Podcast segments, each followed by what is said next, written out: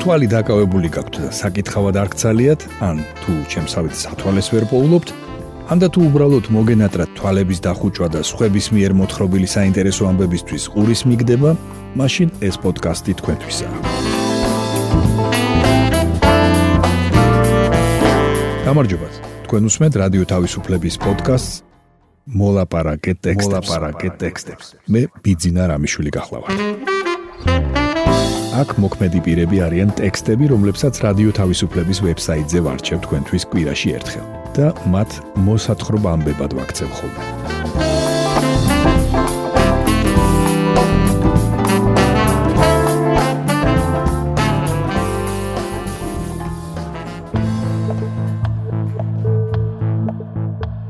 ვისაუბრებთ იმაზე თუ როგორ აკონტროლებს კრემლი რუსულ ინტერნეტს. მოგითხრობთ სტივენ სპილბერგის უახლეს ფილმზე. ახლა წაგიკითხავთ დანიელ ბელოვედიევისა და ანტონ ბაიევის სტატიას თვალთვალი ხალხზე, როგორ აკონტროლებს კრემლი რუსულ ინტერნეტს. 2022 წლის ოქტომბრის შუა რიცხვებში რუსეთის მთავრობის ერთი უცნობი დეპარტამენტის თანამშრომლები მოსკოვის გარეუბანში მდებარე პატარა ბიზნეს ცენტრის შენობაში ისხდნენ და ამინს განიხილავდნენ. მათი სადარდებელი მოსკოვის ამინდის პროგნოზი არ ყოფილა. ისინი უყურებდნენ უკრაინის იმ 4 რეგიონის ამინს, რომელთა ანექსიის შესახებაც რუსეთის პრეზიდენტმა ვლადიმირ პუტინმა განაცხადა ორიოდე კვირით ადრე. ამ დეპარტამენტის სახელია ძირითადი რადიოსიხშირეების ცენტრი. ის რუსეთის ინტერნეტის გამაკონტროლებელ ფედერალურ ორგანოს როსკომნადზორს ექვემდებარება. მისი თანამშრომლები ძირითადად IT სპეციალისტები და ანალიტიკოსები დაძვრებიან რუსულ ვებსაიტებზე, სოციალური მედიის გვერდებზე, Telegram-ის არხებზე და ეძებენ ოპოზიციურ გზავნილებს, ანტისაომარ განცხადებებს და პუტინის წინააღმდეგ გამოთქმულ შეურაცხყოფას. ამ კონკრეტულ შემთხვევაში მათი საზრუნავი იყო 15 დიდი რუსული ვებსაიტი, რომლებიც ამინდის პროგნოზს აჩვენებდნენ. მათ ამინდის რუკებზე უკრაინის ანექსირებულ რეგიონებს კლავაც უკრაინა ეწერა. სააგენტოს თანამშრომლებმა ამ საიტების სია გააკეთეს და Z თითოეული მათგანის საკონტაქტო ინფორმაცია მიაწერეს. 6 ნოემბრისთვის 15-დან 10 საიტს უკრაინის ტერიტორიები უკვე რუსეთად ჰქონდა მოხსენიებული. უკრაინაში ომის დაწყების შემდეგ კრემლმა კიდევ უფრო გაამკაცრა რუსეთის ონლაინ რესურსების კონტროლი. თავდასხმიდან რამდენიმე დღეში პუტინმა ხელი მოაწერა კანონს, რომელმაც კრიმინალიზება მოახდინა ომისა და რუსეთის ჯარის შესახებ ყველა ისეთი ინფორმაციის გავრცელებისა, რომელსაც მთავრობა მცდარად მიიჩნევდა. შედეგად რუსეთის მთავარმა საძიებო სისტემებმა, Yandex-მა და Mail.ru-მ წაშალეს 12000-მდე სტატია რუსეთის სამხედრო დანაკარგების შესახებ. დაიბლოკა 95-მდე რუსულენოვანი მედია ორგანიზაციის ვებსაიტები.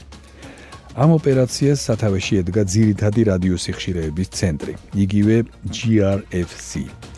მათ ომამდე ერთი წლით ადრე შექმნეს შიდა კომუნიკაციის ქსელი, რომელსაც ოპერატიული ინტერაქტიული ოფისი დაარქვეს. ეს სისტემა ცენტრის მონიტორინგს უკავშირებს რუსეთის უსაფრთხოებისა და ძალოვანი სტრუქტურების მთავარ ორგანოებს, პროკურატურას, FSB-ს, ეროვნულ გვარდიასა და შინაგან საქმეთა სამინისტროს. რადიო თავისუფლების რუსული სამსახურის მიერ ჩატარებულმა ჟურნალისტურმა გამოძიებამ დაადგინა კონკრეტულად როგორ ხდება ელექტრონული კომუნიკაციების მონიტორინგი და როგორ აკონტროლებენ სამთავრობო სააგენტოები თუ რას ხედავენ რუსეთის მოქალაქეები ინტერნეტში. 2022 წლის ნოემბერში ბელარუსმა ჰაკერებმა მოიპოვეს ამ სააგენტოების თანამშრომლების მიმოწერა. 2 ტერაბაიტზე მეტი ინფორმაცია. 700.000-ზე მეტი წერილი და 2 მილიონი შიდა მოხმარების დოკუმენტი. და შემდეგ ის სხვადასხვა მედია საშუალებას, მათ შორის რადიო თავისუფლებას გაუზიარეს. ამ მასალებიდან კარგად ჩანს თუ რა მექანიზმებს იყენებენ ინტერნეტის ცენზორები. ყველა დოკუმენტი, რომელიც კი ვნახე, პოტენციურად როსკომნადზორის წინააღმდეგ სისხლის სამართლის გამოძიების საფუძველია, ამბობს ფილიპ კულინი, საინფორმაციო ტექნოლოგიების დამოუკიდებელი ექსპერტი. რეალურად ეს არის თვალთვალი ხალხზე. როსკომნადზორი სამოქალაქო ორგანოა. ვინ მისცა მას თვალთვალისა და პერსონალური მონაცემების შეგროვების უფლება? ციტატის დასასრული. რუსეთისთვის ცენზურა ახალი ხილი არ არის. საბჭოთა კავშირში კომუნისტურმა პარტიამ შექმნა ცენზურის ყოვლის მომცველი აპარატი. ქვეყანაში მხოლოდ პარტიის მიერ შემოწმებული და დაშვებული ახალი ამბების გავრცელება იყო ნებადართული. 1980-იან წლებში მიხაილ გორბაჩოვის პერესტროიკამ ცენზურა შეამსუბუქა. საბჭოთა კავშირის გრევის შემდეგ კი რუსული მედია, გაზეთები, რადიოები და ტელევიზიები თავისუფლად აქვეყნებდნენ კრიტიკულ ინფორმაციას. პუტინმა პრეზიდენტობის პირველივე წლიდან დაიწყო კონტროლის დამხარება მედიაზე. პირველ რიგში კი ნაციონალურ ტელეარხებზე. ტელევიზია ხომ დღემდე ინფორმაციის მთავარი წყაროა რუსეთის მოსახლეობის უდიდესი ნაწილისთვის. 2010-იანი წლების დასაწყისში კრემლმა უცხოეთის აგენტების ან არასასურველი ორგანიზაციების იარლიყის მიწებება დაიწყო არასამთავრობო ორგანიზაციებსა და მედია საშუალებებზე. ამან მკვეთრად შეზღუდა მედიის თავისუფლება და რეკლამის დამკვეთებიც დააფრთხო. ბევრი ორგანიზაცია იძულებული გახდა დახურულიყო. ამის შემდეგ კრემლმა დახვეწილი სისტემა შექმნა ინტერნეტის რუსი პროვაიდერებისგან ინფორმაციის შესაგროვებლად და გასაფილტრად. მას SORM-ის აკრონიმით იცნობენ. დიდ ინტერნეტ კომპანიებს Google-ს და Facebook-ს მოსთხოვეს რომ სერვერების ნაწილი რუსეთის ფედერაციის ტერიტორიაზე განეთავსებინა. GRFC 2000 წელს შეიქმნა, როგორც როსკომნადზორის ერთ-ერთი დეპარტამენტი. მისი ამოცანა რადიოსიხშირეების მონიტორინგი და კონტროლი იყო. მას შემდეგ რაც მთავრობამ უფრო აქტიურად დაიწყო ინტერნეტის კონტროლი, მისი ფუნქციებიც გაიზარდა. სააგენტომ ნოემბერში ოფიციალურად აღიარა, რომ ჰაკერების მსხვერპლი გახდა. GRFC-მ უარი განაცხადა რადიო თავისუფლების შეკითხვებზე პასუხი გაეცა. შეკითხვები უპასუხოდ დატოვა როსკომნადზორმაც. შიდა კომუნიკაციის სისტემა სახელწოდებით ოპერატიული ინტერაქტიული ოფისი როგორც ჩან შეიქმნა 2019 წელს როდესაც სამართალდამცავი ორგანოები ცდილობდნენ რუსეთში გაჩენილი ლოკალიზებული საპროტესტო აქციების კონტროლს. ერთ-ერთი ასეთი პროტესტი გამოიწვია რუსეთის უკიდურეს ჩრდილოეთში ნაგავსაყრელების მოწყობამ და ეკატერინბურგში პოპულარული პარკის ტერიტორიაზე ეკლესიის მშენებლობამ. პირველადი ვერსია 2019-ის დეკემბერში ამოქმედდა. ორი წლის შემდეგ კი ახალი ფუნქციები დაამატეს. მობილური აპლიკაცია, პირადი გზავნილები და ვიდეოსა და აუდიოს ატვირთვის შესაძლებლობა.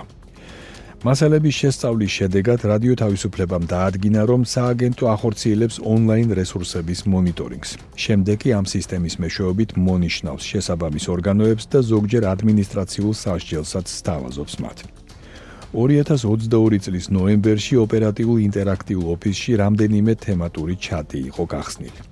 მათ შორის საპროტესტო განწყობები, ტერორიზმი, უცხო ქვეყნის ჩარევა და ექსტრემიზმი. საპროტესტო განწყობების ჯგუფში GRFC-ის თანამშრომლები ყოველდღიურად აქვეყნებდნენ ანგარიშებს სოციალურ ქსელებში არსებული განწყობის შესახებ. ეს ანგარიშები სხვადასხვა სოციალურ საიტზე შექმნილი 3500-ზე მეტი პროფილის შესწავლის შედეგად დგება. ნოემბრის შუა რიცხვებში საპროტესტო განწყობების თემას 60 მონაწილე ხავდა. მათ შორის იყვნენ პროკურატურის, შინაგან საქმეთა სამინისტროსა და შიდა დაზვერვის თანამშრომლები. დოკუმენტაცია ასევე აჩვენებს, რომ GRFC წარსულში არაერთხელ გამოუყენებიათ ბიზნესმენებისა და ოლიგარქების შესახებ გავრცელებული არასახარბიელო ინფორმაციის ჩასახშობად. 2020 წელს სააგენტოს მიმართა გაზპრომის ერთ-ერთმა მაღალჩინოსანმა მიხაილ სიროტკინმა და მოითხოვა მასზე დაწერილ 150 სტატიაზე წტომის შეზღუდვა. მანამდე როსკომნაძორმა ფედერალური უსაფრთხოების სამსახურის უფროსის ალექსანდრ ბორტნიკოვის და მილიარდერ ალიშერ უსმანოვის მამხილებელი მასალები დაბლოკა. ცენტრის თანამშრომლები განსაკუთრებულ ყურადღებას იჩენდნენ იანდექსის მიმართ. Yandex-ი რუსეთის უმსხვილესი საძიებო სისტემაა და ის ელექტრონული კომერციის სხვა სფეროებშიც დომინირებს. ტაქსის სერვისებში, საკვების მიტანასა და ონლაინ ვაჭრობაში. თავად Yandex-ის თანამშრომლები ბრალსდებდნენ კომპანიას უკრაინაში მიმდინარე ომთან დაკავშირებული ამბების გაფილტრაში. კომპანია რამდენიმე მაღალი რანგის თანამშრომელმა დატოვა. Yandex-მა ახალი ამბების პორტალი გაყიდა და განაცხადა, რომ აქცენტს სხვა არა ახალ ამბებთან დაკავშირებულ წამოწყებებზე გააკეთებდა. დოკუმენტების მიხედვით GRFC-ის თანამშრომლებს Excel-ის რამდენიმე ფაილი ჰქონდათ გახსნილი სათაურით საგანგებო ამოცანა Yandex.U. მასში შედიოდა 30-დან 200-მდე ბმული მასალებზე, რომლებიც შემდეგი თემებით იყო დახარისხებული. პუტინის მობილიზაცია, რუსი ბიჭები ნებდებიან და რისთვის იხოცებიან რუსი ბიჭები უკრაინაში. სააგენტოს თანამშრომლები შემდეგ ამ ბმულებს Yandex უზავნიდნენ წასაშლელად. Yandex-მა რადიო თავისუფლების კითხვებს არ უპასუხა. მანამდე კომპანიის წარმომადგენელმა შეკითხვას არგებს თუ არა Yandex-ი ალგორითმს სახელმწიფო მედიის სასარგებლოდ, ასე უპასუხა: ბრალდებას კატეგორიულად უარყოფთ. Yandex-ი ალგორითმს არც ერთ პოლიტიკურ მხარეს არ არგებს. ციტატის დასასრული. 2021 წლის ბოლოს GRFC-მ დაიწყო ბოტების გამოყენება. პროგრამებისა, რომლებიც ავტომატურად ასრულებენ დავალებებს, როგორებიცაა წერილების დაგზავნა, საჩივრებზე პასუხი და ასე შემდეგ. 2022 წლის აგვისტოში GRFC-მ 57 მილიონი რუბლი, 800.000 დოლარი გადაიხადა ხელოვნური ინტელექტის სისტემის შექმნაში. სისტემას Oculus-ი ჰქვია და ის ახორციელებს სოციალური ქსელების, ვებსაიტების და პირადი მიმოწერის სერვერების მონიტორინგს აკრძალული ინფორმაციის აღმოსაჩენად. დოკუმენტაცია აჩვენებს, რომ GRFC-მ საგანგებოდ გაწვრთნა სისტემა, რათა მას უფრო ადვილად აღმოეჩინა პუტინის შეურაცხმყოფელი ტექსტური თუ ფოტო მასალები. მათ სისტემაში შეხავდათ ასეთი კლასიფიკატორებიც: პუტინი კიბორჩხალის ფორმით, პუტინი ჩრჩილის ფორმით, ასევე პუტინის შედარებები ჰიტლერსა და ვამპირთან. მასალებიდან ირკვევა, რომ GRFC-ის წინაშე მდგარი კიდევ ერთი პრობლემაა წვდომა დახურულ ჯგუფებთან, სადაც მომხმარებელს მხოლოდ ადმინისტრატორი უშვებს. ამისათვის სააგენტომ 2022 წლის ზაფხულში დაიწყო ბოტების ფერმის აწყობა, რომლებიც სოციალური მედიის სხვადასხვა პლატფორმაზე რეალურ ადამიანებად გაასაღებდნენ თავს და დახურულ ჯგუფებში გაწევრიანდებოდნენ. GRFC-მ როსკომნadzors დამატებით სთხოვა მობილური ნომრების დიდი რაოდენობით შესყიდვა, რომლებსაც შემდეგ ბოტების მიერ შექმნილი პროფილების ავტორიზაციისთვის გამოიყენებდნენ. თქვენ მოისმინეთ დანიელ ბელოვედიევისა და ანტონ ბაიევის სტატია თვალთვალი ხალხზე, როგორ აკონტროლებს კრემლი რუსულ ინტერნეტს.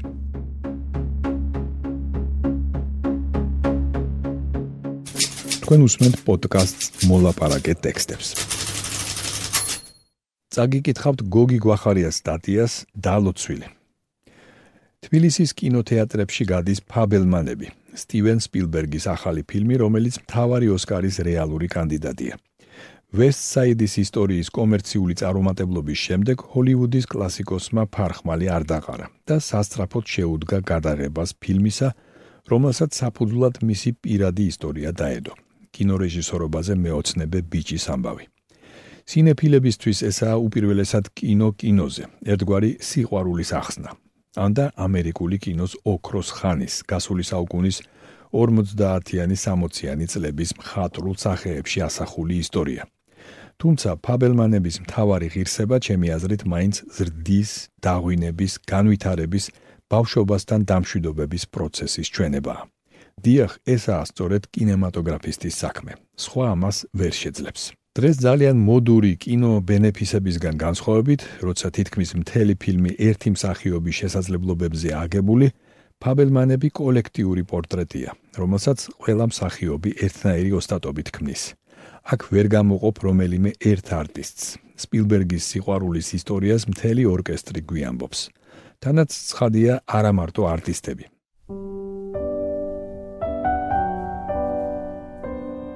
ტონი და ფერი, რომელიც ფაბერმანებისთვისაა შერჩეული, გამოსახულებას სურათოვნებას ანიჭებს. სპილბერგის მუდმივი ოპერატორი იანუშ კამინსკი, ისევე როგორც ვესტსაიდის ისტორიაში, царსულის აღდგენას არაიმდენად რეტრო ეფექტებით, რამდენადაც სწორედ ფერით ახერხებს. მაგრამ კადრის სივრცე მუდმივად ღიაა და ყოველთვის მზადაა განვითარებისთვის, ახალში გადაზრდისთვის. სტივენ სპილბერგი ამხრივ საკუთარ თავს არ ღალატობს. კინოხელოვნება მისთვის ურთიერთობაა, მრავალხმიანობაა. საკუთარ ცხოვრებაზე გვიყვება, მაგრამ ნაკლებად თავის თავზე. უფრო მეტად დანახულზე ვიდრე განცდილზე. ოსკარის ნომინაციებზე წარდგენილი ბევრი სხვა ფილმისგან ფაბელმანებს კიდევ ერთი თვისება გამოარჩევს: დისტანციურობა. არსად არც ერთ ეპიზოდში მიუხედავად იმისა, რომ ფილმს არც იუმორი აკლია და არც ზევდა, სპილბერგი არ მოითხოვს ჩვენგან თანაგზნობას და გადაჭარბებულ სენტიმენტებს. თანამედროვე ჰოლივუდის არც ერთ რეჟისორს არ შეუძლია ალბათ ზღაპრულის და რეალურის ასეთი გამთლიანება. შესაბამისად, კინო სპილბერგისთვის მაგია, რომელიც ერთდროულად ორ გზას სთავაზობს ადამიანს. სინამდვილის უკეთ დანახვის, სოციუმში დამკვიდრების, საკუთარი შესაძლებლობების გამოვლენის გზას და გზას ზმანებებისკენ, შუქისკენ. სპილბერგის გენიალურობა ისაა, რომ ამ გზაჯვარედინზე მის პერსონაჟებს წვალება, საკუთარ თავთან ბრძოლა თითქმის არასდროს უხდებათ. ბუნებამ ისინი სიყვარულის უნარით დააჯილდოვა. ამიტომ ეს ორი გზა არსებითად ერთია და მას სიცოცხლე ჰქვია. ვესტსაიდის ისტორია მამას მიუძღვნა, ფაბელმანები კი უფრო დედას. ოჯახის თემა სპილბერგისთვის, როგორც ამერიკელი რეჟისორისთვის, ყოველთვის მნიშვნელოვანი იყო, მაგრამ სწორედ ასაკში გაუძლიერდა ბავშვობის მიმართ ნოსტალგია. ეს ყველას ემართება ალბათ. უბრალოდ ყველა ვერ ფლობს სპილბერგივით კინოს მაგიას, რაღაც უმნიშვნელოში, პატარაში, ზოგჯერ საერთოდ დაუნახავში აღმოაჩინოს მნიშვნელოვანი, ლამაზი, ღვთაებრივი. მე დაგვაახლოოს ამ აღმოჩენასთან და ჩვენც მოგცეს თკბობის საშუალება. კინოს ეს შესაძლებლობა აღმოაჩინა ფაბელმანების მთავარმა გმირმა, სემიმ. როცა ჯერ კიდევ ბავშვმა ნახა სესილ დე მილის მორიგი კოლოსი სამყაროს უდიდესი შოუ. სესილ დე მილი კინოს დაბადების ადრეულ წლებში იწყებს მოღვაწეობას.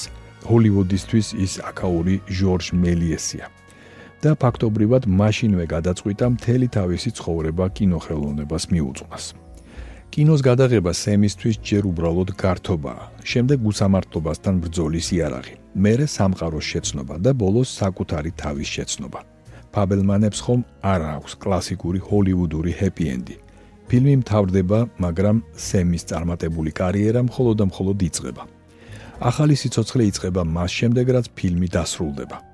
მერე კი როცა ფილმი მთავრდება, მაყურებელი გძნობს, რომ სტივენ სპილბერგმა არსებითად ფსიქოთერაპიის კურსი ჩაგვიტარა. ანდა უბრალოდ დაგულოცა. უბრალოდ ჯონ პორტს დაალოცვინა ჩვენი თავი. ჯონ პორტს დევიდ ლინჩის შესრულებით.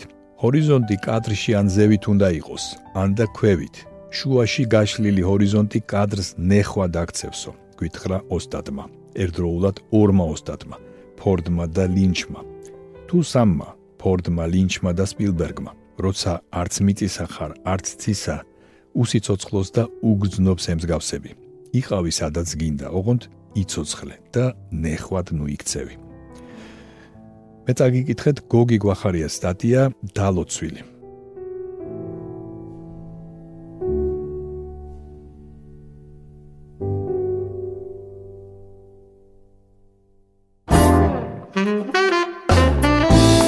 თქვენ მოისმინეთ რადიო თავისუფლების პოდკასტი მოლაპარაკე ტექსტები. მე კვირაში ერთხელ ვარჩევ რადიო თავისუფლების ვებსაიტზე გამოქვეყნებულ ტექსტებს და მათ მოსათხრობამდებად ვაქცევ ხოლმე. ჩვენი პოდკასტი შეგიძლიათ გამოიწეროთ, ჩამოტვირთოთ ან მოისმინოთ პირდაპირ რადიო თავისუფლების ვებსაიტზე. მისი მისამართია თავისუფლება.ge. თუ ჩემი მიერ მოთხრობილი ტექსტები სრული სახით დაგაინტერესებთ, მათი მოძებნა იულია. ვებსაიტზე, პოდკასტის გვერდზე იპოვით ყოველ ცალკეულ პროგრამაში მოთხრობილი ტექსტების ბმულებს. მე ბიძინა რამიშვილი ვარ. მომავალ შეხვედრამდე.